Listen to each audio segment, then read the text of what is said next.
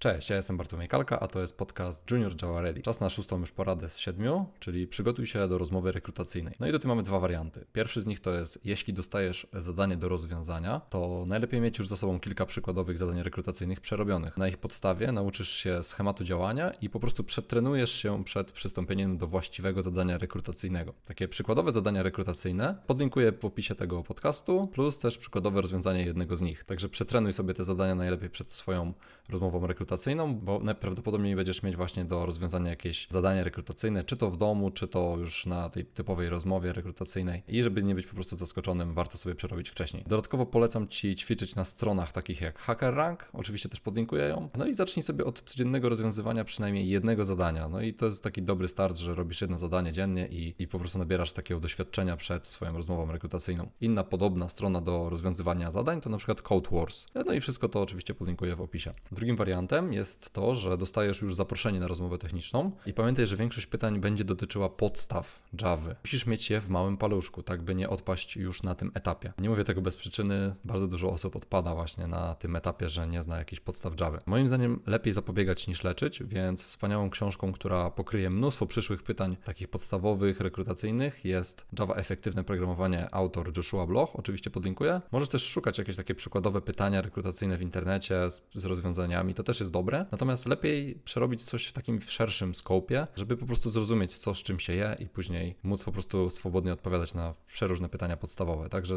bardzo polecam Ci tą książkę, ja ją też odkryłem trochę późno. Teraz widzę, że im szybciej bym ją przeczytał, tym lepszy kod bym pisał i też łatwiej by mi było odpowiadać na wszelkie pytania rekrutacyjne związane z Java. Z dodatkowych materiałów, które Ci podlinkuję, to jest Junior Java Developer rozmowa kwalifikacyjna. Tutaj kolega opowiada o tym, jak wygląda taka rozmowa rekrutacyjna oraz właśnie stronę z pytaniami rekrutacyjnymi dla Java Developera. Oprócz tego wszystkiego zapraszam Cię do dołączenia do Junior Java Ready Mini. To jest 185 zagadnień, które musisz znać jako Junior Java Developer, e, które występują na rozmowach rekrutacyjnych plus linki do ich opracowań. Trzy wideo, jak wygląda typowa rozmowa rekrutacyjna, jak napisać efektywny CV i ostatni, ostatnie wideo to przegląd trzech ofert pracy i wskazówki, czego oczekują pracodawcy i jak się przygotować do tych rozmów. Z dwóch poprzednich wideo dowiesz się po prostu, jak wygląda typowy proces rekrutacyjny, no i nie będzie sytuacji, w której zrobisz słabe CV. Oprócz tego wszystkiego dostaniesz też dostęp do zamkniętej grupy na Facebooku, także możesz tam zadawać pytania i tam są osoby takie same jak ty, czyli osoby, które chcą zdobyć pierwszą pracę. Samo to Junior Java Ready nie jest drogie, także zapraszam Cię do dołączenia już teraz i oczywiście link będzie w